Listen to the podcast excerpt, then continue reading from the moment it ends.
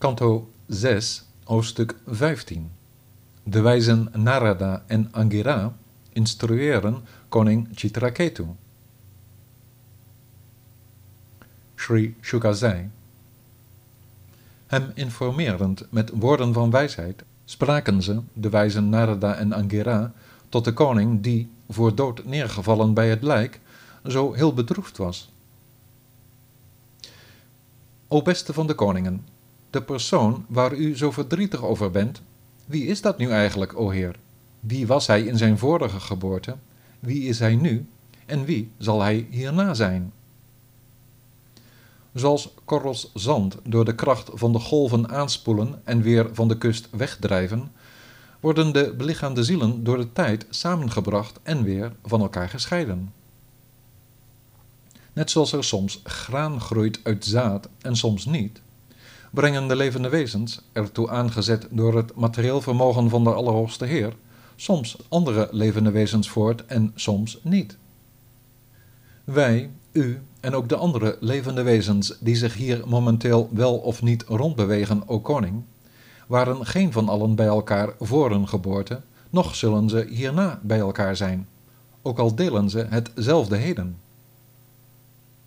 De heerser over allen schept, behoudt en vernietigt levende wezens middels andere levende wezens, zo onverschillig als een spelende jongen.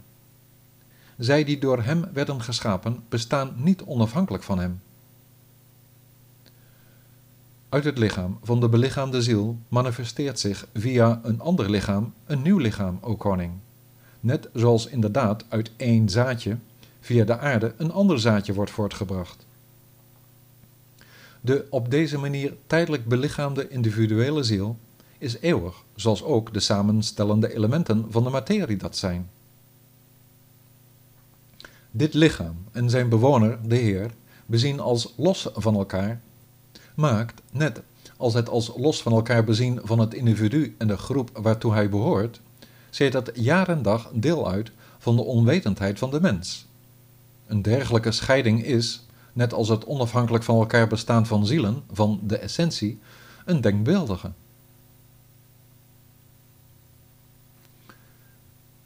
Sri Shuka zei, koning Chitraketu, getroost door wat de tweemaal geborenen hem al dus zeiden, veegde zijn samengetrokken gezicht af met zijn hand en sprak. De achtenswaardige koning zei, Jullie twee, die hier naartoe kwamen gehuld in de kleding van iemand die alles heeft opgegeven, zijn volleerd in de geestelijke kennis en zijn de grootsten van de groten.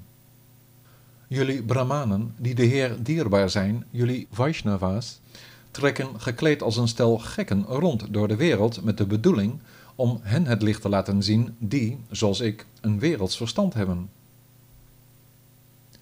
Sanat Kumara, Narada, Ribu, Angera, Devala, Asita, Apantaratama, Markandeya en Gautama, Vashista, Bhagavan Parashurama, Kapila, Shukadeva, Durvasa, Yajnavalkya en Jatukarna, als ook Aruni, Romasha, Chavana, Dattatreya, Asuri, Patanjali, de wijze Daumya, hoofd van de Veda's, en de wijze Panchashika, Hiranyanaba, Kaushalya, Shrutadeva en Ritadwaja, al deze en andere meesters van de volmaaktheid, zijn de rondtrekkende spirituele opvoeders. Laat me daarom mijn licht opsteken bij uw toorts van geestelijke kennis, o meesters, want ik ben slechts een dwaze dorpshond verstoken van inzicht in de duisternis.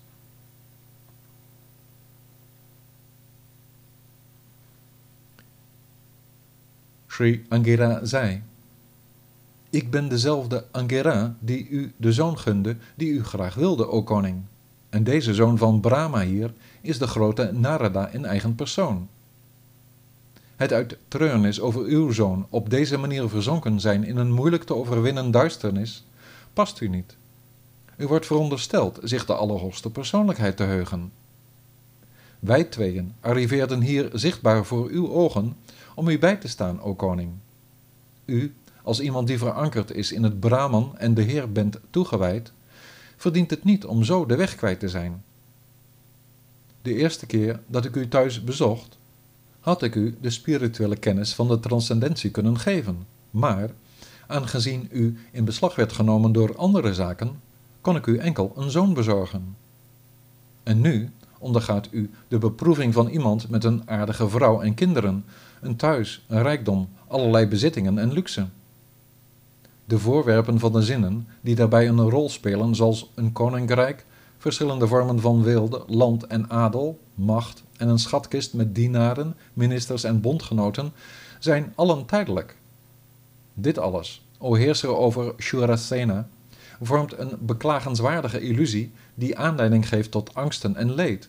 Die bestaat uit drogbeelden die door de geest zelf worden opgeroepen, uit luchtkastelen in de vorm van preoccupaties. Dat waar uw hart naar uitgaat, is verstoken van inhoud.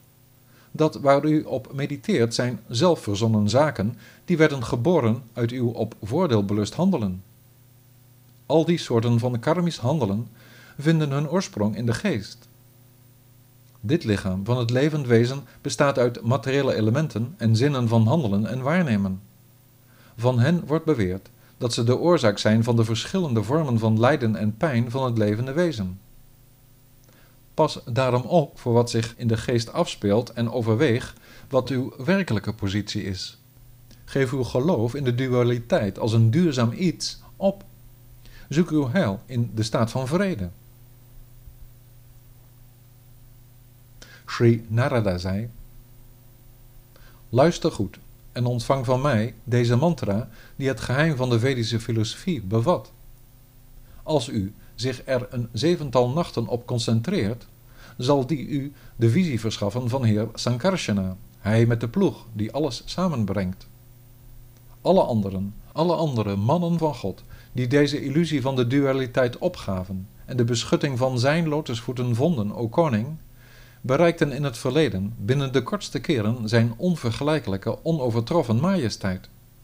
Ook u zal spoedig die allerhoogste positie bereiken.